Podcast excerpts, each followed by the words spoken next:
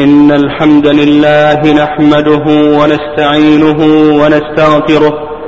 ونعوذ بالله من شرور أنفسنا ومن سيئات أعمالنا من يهده الله فلا مضل له ومن يضلل فلا هادي له وأشهد أن لا إله إلا الله وحده لا شريك له وأشهد أن محمدا عبده ورسوله صلى الله وسلم وبارك عليه وعلى اله واصحابه ومن تبعهم باحسان الى يوم الدين عباد الله اوصيكم ونفسي بتقوى الله عز وجل يا ايها الذين امنوا اتقوا الله حق تقاته ولا تموتن الا وانتم مسلمون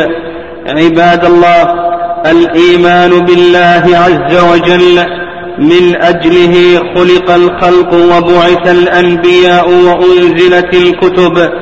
وما أرسلنا من قبلك من رسول إلا نوحي إليه أنه لا إله إلا أنا فاعبدون ومن أجل الإيمان بالله عز وجل أوذي وفتن المؤمنون ولم يسلم من التهديد والمطاردة في سبيله المرسلون قال الله عز وجل ألف لام ميم أحسب الناس أن يتركوا أن يقولوا آمنا وهم لا يفتنون ولقد فتنا الذين من قبلهم فليعلمن الله الذين صدقوا وليعلمن الكاذبين وقال تعالى وقال الملأ الذين استكبروا من قومه لنخرجنك يا شعيب والذين آمنوا معك من قريتنا أو لتعودن في ملتنا الإيمان بالله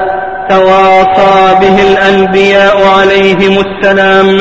كما قال سبحانه ووصى بها إبراهيم بنيه ويعقوب يا بني إن الله اصطفى لكم الدين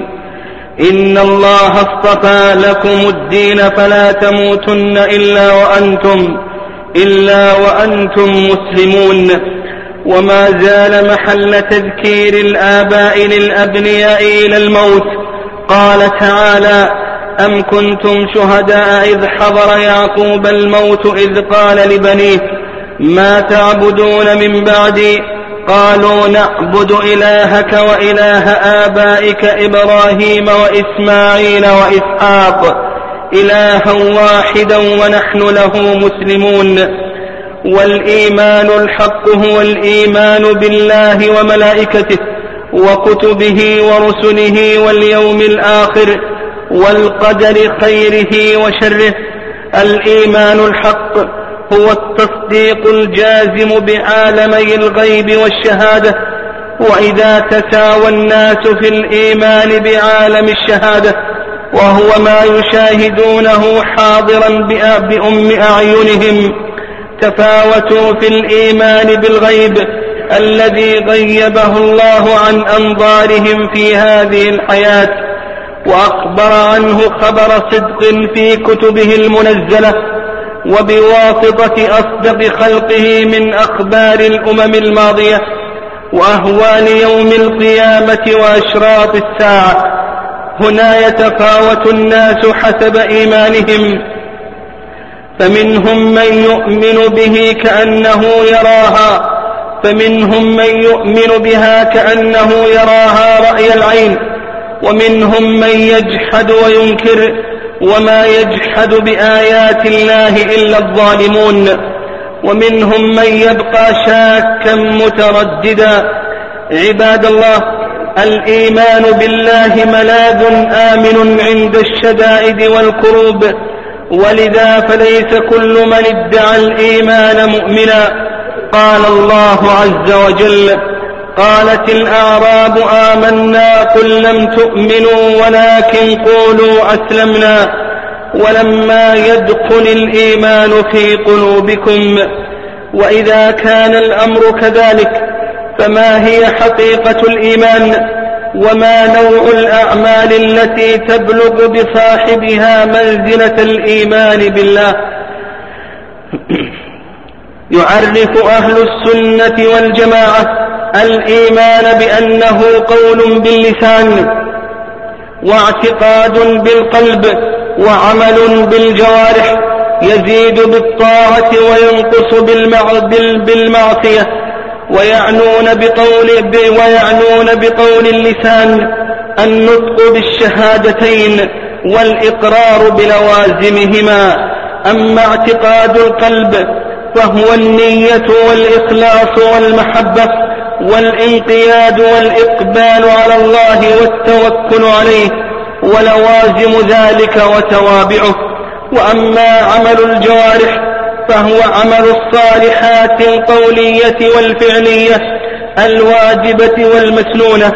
وفي الصحيح عن النبي صلى الله عليه وسلم أنه قال الإيمان بضع وسبعون شعبة أعلاها قول لا إله إلا الله وأدناها إماطة الأذى عن الطريق وبهذا المفهوم الواضح الشامل للإيمان يرد على الطوائف الضالة التي اعتقد بعضها أن الإيمان مجرد التصديق وأنه لا يضر مع الإيمان ذنب كما هو قول المرجئة ومن سايرهم ويرد كذلك على الذين يكفرون بالذنب كالخوارج ومن شايعهم أو يغلون في الدين وينسبون إليه ما ليس منه كالرافضة والباطنية على اختلاف نحلهم عباد الله الإيمان الحق ثبات عليه دون تردد قال الله عز وجل إنما المؤمنون الذين آمنوا بالله ورسوله ثم لم يرتابوا هو جهاد بالمال والنفس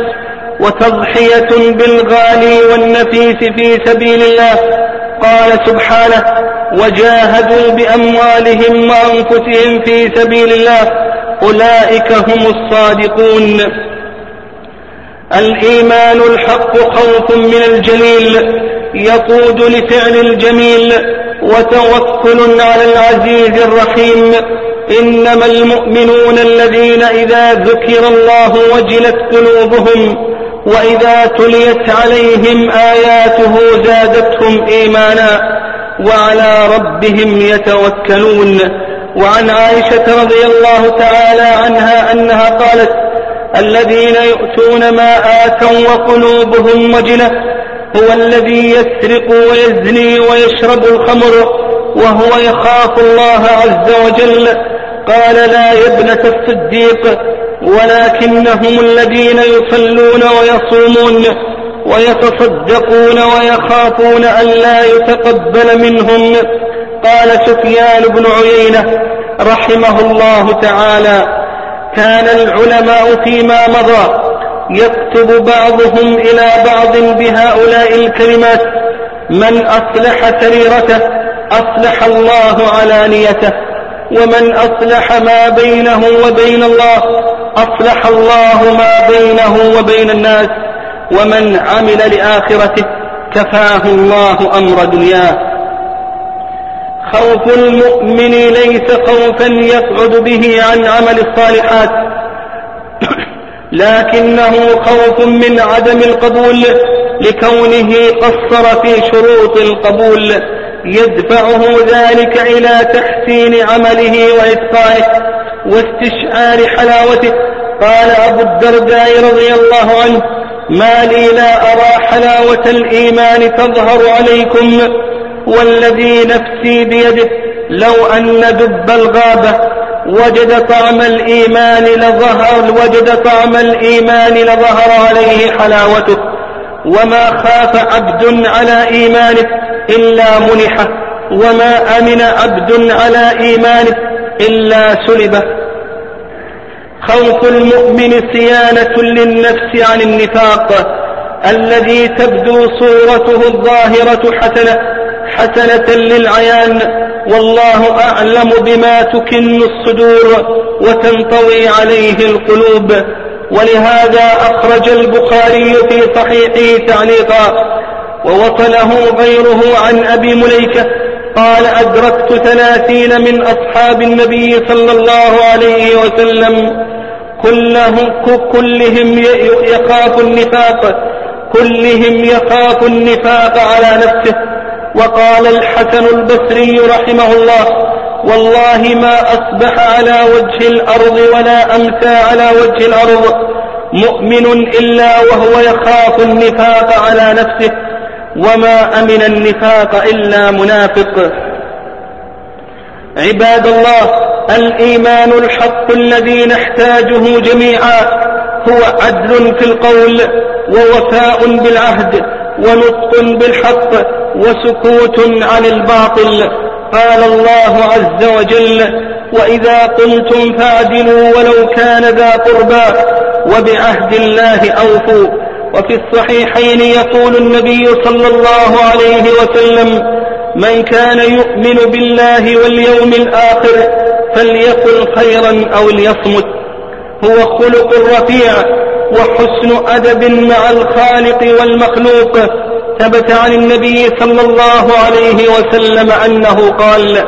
ليس المؤمن بالطعان ولا اللآن ولا ولا الفاحش البدي المؤمن لحسن خلقه وكرمه لا يتفطن للشر وقد جاء في الحديث المؤمن غر كريم والمعنى كما قال صاحب النهاية إن المؤمن المحمود من طبعه الغرارة وقلة فطنته للشر وترك البحث عنه وليس ذلك منه جهلا ولكن كرم وحسن خلق المؤمن الحق يتجاوز دائرة ذاته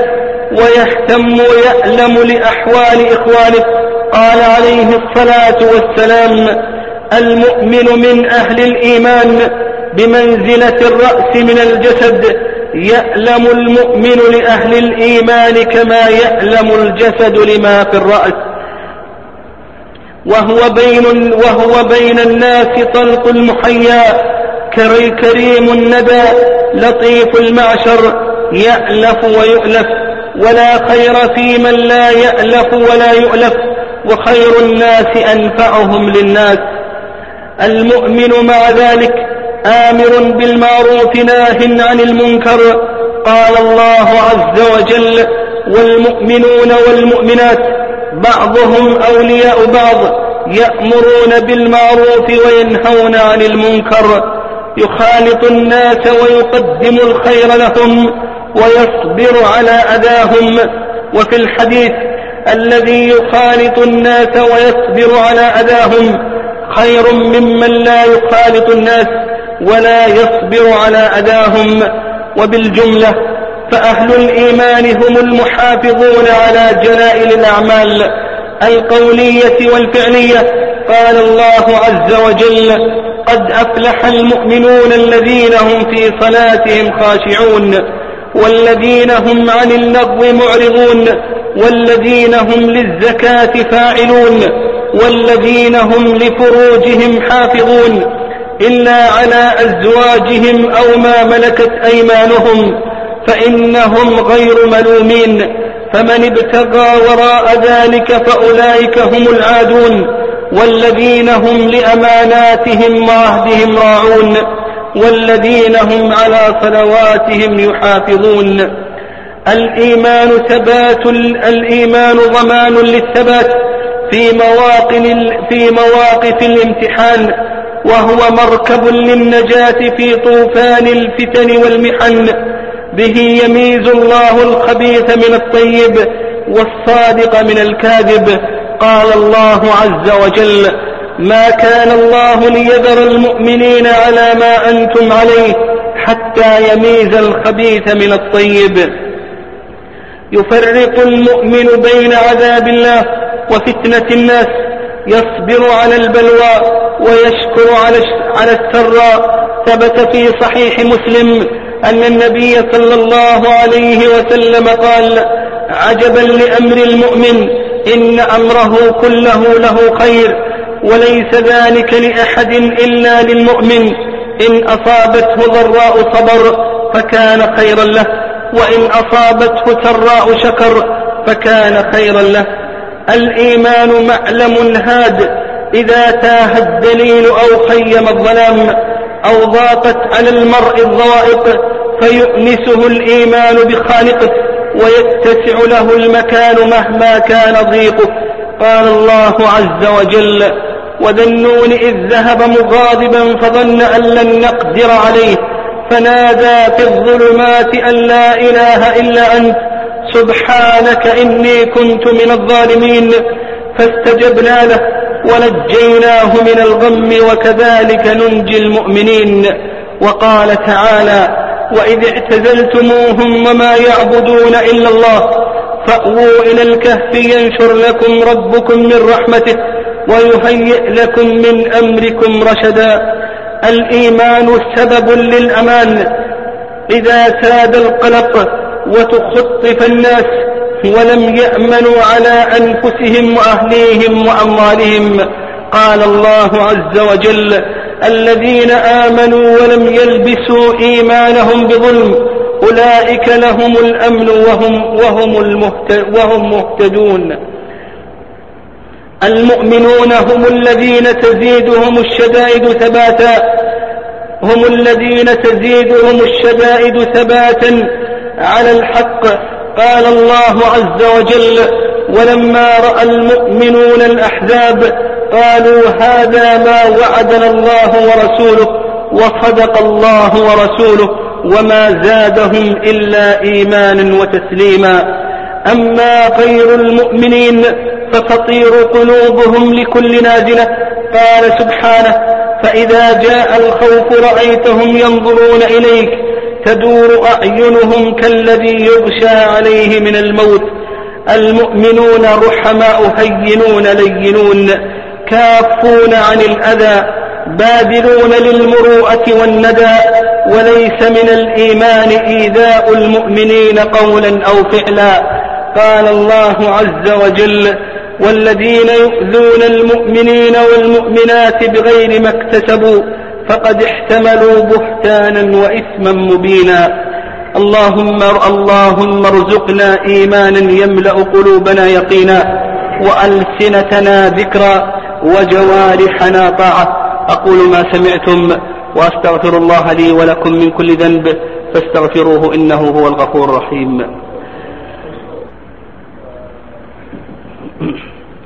الحمد لله رب العالمين الرحمن الرحيم والعاقبة للمتقين ولا عدوان إلا على الظالمين اللهم صل وسلم وبارك على نبينا محمد وعلى آله وصحبه أجمعين عباد الله المؤمنون يتحاكمون إلى شرع الله ويرضون بالإسلام حكما ولا يجدون في أنفسهم حرجا بل يرضون ويسلمون كما قال سبحانه إنما كان قول المؤمنين إذا دعوا إلى الله ورسوله ليحكم بينهم أن يقولوا سمعنا وأطعنا وأولئك هم المفلحون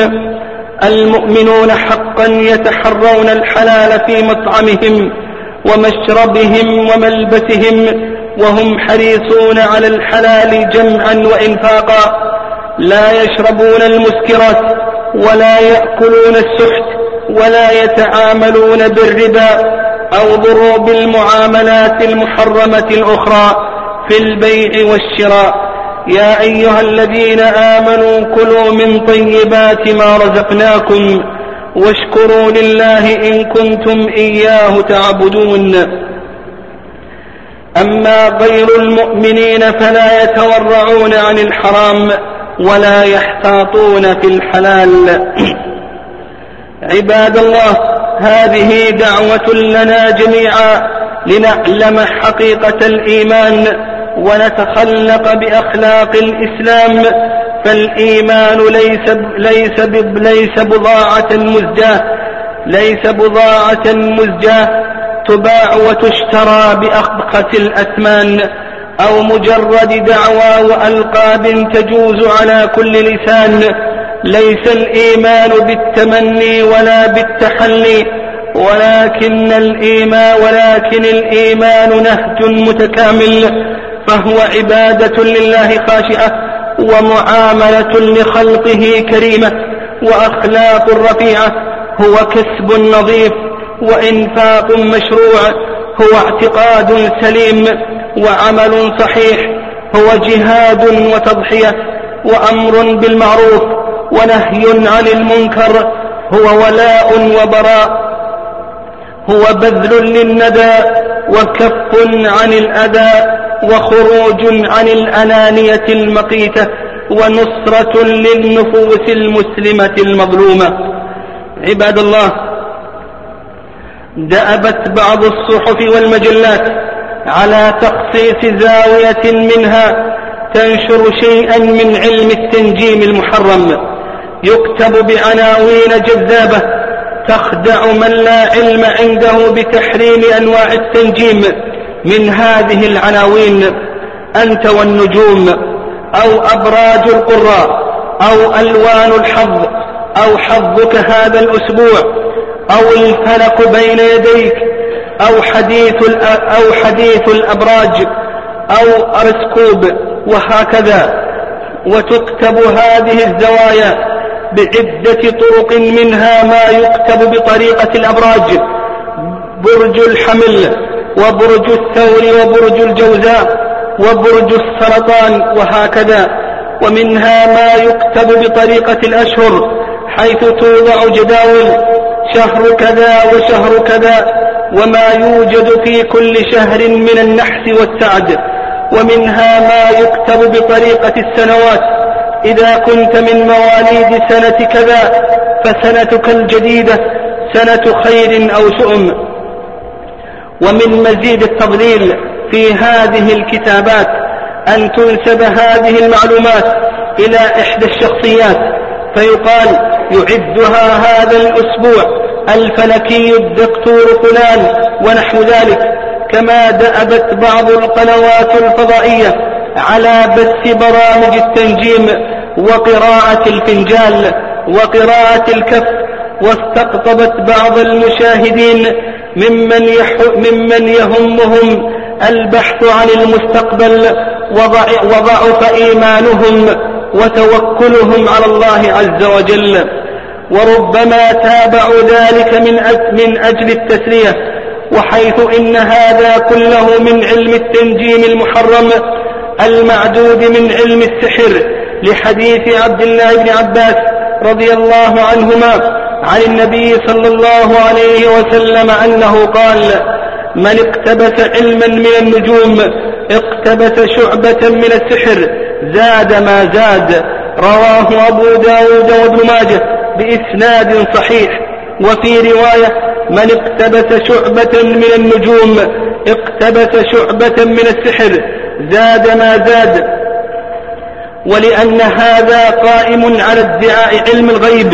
الذي لا يعلمه إلا الله قال تعالى قل لا يعلم من في السماوات والأرض الغيب إلا الله وما يشعرون أيان يبعثون وذكر شيخ الإسلام رحمه الله وابن القيم أنه لما أراد أمير المؤمنين علي بن أبي طالب رضي الله عنه أن يسافر لقتال الخوارج عرض له منجم فقال يا أمير المؤمنين لا تسافر فإن القمر في العقرب فإنك إن سافرت والقمر والقمر في العقرب هزم أصحابك فقال علي رضي الله عنه بل نسافر ثقة بالله وتوكلا على الله وتكذيبا لك فسافر علي رضي الله عنه بجيشه وكان النصر حليفه وظهر كذب المنجم ومما هو معلوم من مسائل التوحيد أن اعتقاد أن النجم الفلاني أو البرج الفلاني هو سبب سعد فلان أو سبب نحسه من خرافات أهل الجاهلية الذين ينسبون تدبير بعض الكون بعض أمور الكون إلى غير الله عز وجل وهو ضرب من ضروب الشرك بالله عز وجل وقد ينتج عنه تعلق الإنسان بالنجم أو البرج فيعمل له نوعا من أنواع العبادة فيقع في شرك الألوهية كما أنه وقع في شرك الربوبية وقد ذكر شيخ الإسلام تيمية رحمه الله تعالى في مجموع الفتاوى أنه اجتمع مع رؤساء المنجمين بدمشق وأنه بين لهم فساد صناعتهم بالأدلة العقلية التي هم يعترفون بصحتها وقد اعترف عنده أحد رؤسائهم بأنهم يكذبون مئة كذبة حتى يفتقوا في كذبة واحدة وقال رحمه الله إن اعتقاد المعتقد أن نجما من النجوم السبعة هو المتولي لسعده أو نحسه اعتقاد فاسد وأن وإن اعتقد هذا المعتقد أن النجم هو الذي يدبر له أموره فهو كافر بالله عز وجل وقد أجمع علماء الشريعة ومنهم فقهاء المذاهب الأربعة على تحريم التنجيم كما ذكر ذلك العيني الحنفي وذكره أيضا العدوي المالكي وذكره أيضا النووي الشافعي وذكره أيضا شيخ الإسلام ابن تيمية الحنبلي فنذكر المسلمين بخطر هذا العمل ونقص الصحفيين والإعلاميين وننبئهم بواجب الكلمة وأن واجب الكلمة يحتم عليهم النصح لله ولرسوله ولأئمة المسلمين وعامتهم وإن من النصح نشر الخير ووسائله ومكافحة الشر ووسائله كما نذكرهم بحديث أبي هريرة رضي الله تعالى عنه أن النبي صلى الله عليه وسلم قال من دعا إلى هدى كان له من الأجر مثل من مثل أجور من اتبعه لا ينقص من أجورهم شيئا لا ينقص من أجورهم شيء ومن دعا إلى ضلاله كان عليه من الإثم كان مثل آثام من اتبعه لا ينقص من آثامهم شيء رواه مسلم في صحيحه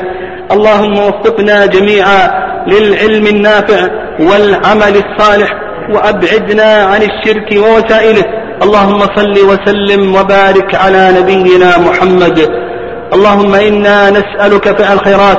وترك المنكرات وحب المساكين وأن تغفرنا وترحمنا وإذا أردت بقوم فتنة أن تقبضنا إليك غير مفتونين يا ذا الجلال والإكرام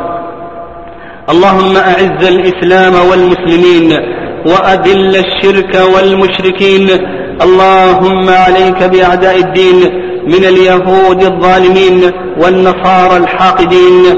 اللهم إنا نس... اللهم إنا نسألك أن تبيدهم وأن تدمرهم وأن تنصر المسلمين عليهم يا ذا الجلال والإكرام يا قوي يا عزيز اللهم فرج كرب المكروبين ونفس عسرة المعسرين واقض الدين عن المدينين يا, أك يا كريم يا عزيز اللهم اشف مرضى المسلمين اللهم اجعل ما أصابهم كفارة لسيئاتهم ورفعة لدرجاتهم اللهم آمنا في أوطاننا وأصلح أئمتنا وولاة أمورنا اللهم اجعلهم محكمين لكتابك وسنة رسولك محمد صلى الله عليه وسلم اللهم أصلحنا وأصلح لنا وأصلح بنا ربنا هب لنا من أزواجنا وذرياتنا قرة أعين واجعلنا للمتقين إماما اللهم صل وسلم وبارك على نبينا محمد